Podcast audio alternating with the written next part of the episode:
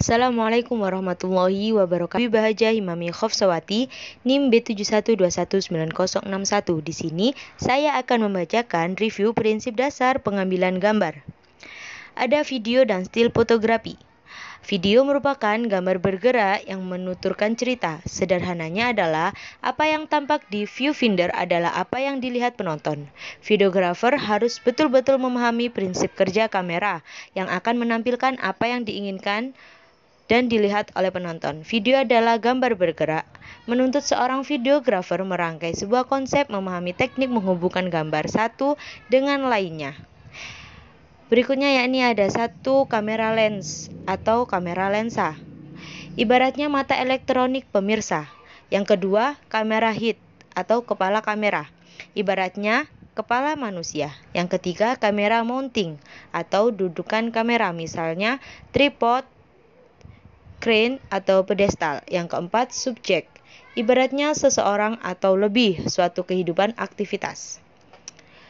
Agar gambar tersebut dinamis, maka perlu ada gerakan, baik kameranya atau subjek maupun keduanya yang bergerak meliputi berikut. Ini yaitu satu simple shoot, di mana tidak ada pergerakan melainkan hanya sedikit pergerakan sederhana dari subjek. Yang kedua, kompleks shoot, terdapat pergerakan lensa kamera dan pergerakan subjek namun tidak terdapat pergerakan badan kamera.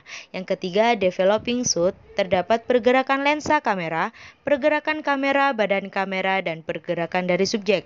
Cara dasar menyanggah kamera yakni pertama menahan kamera dengan tangan, kedua meletakkan kamera di atas pundak ketika menggunakan penyangga atau monopod, yang keempat meletakkan kamera pada doli kamera.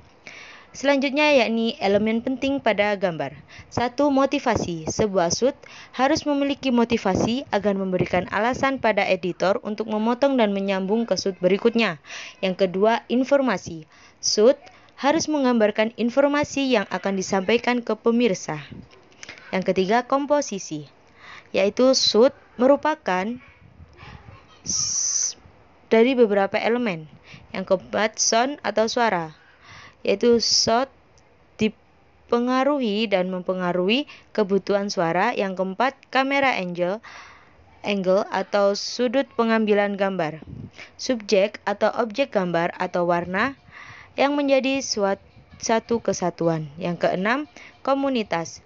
Sud yang dipengaruhi dan mempengaruhi beberapa suara sebagai pendukung suasana. Sekian dari saya. Assalamualaikum warahmatullahi wabarakatuh.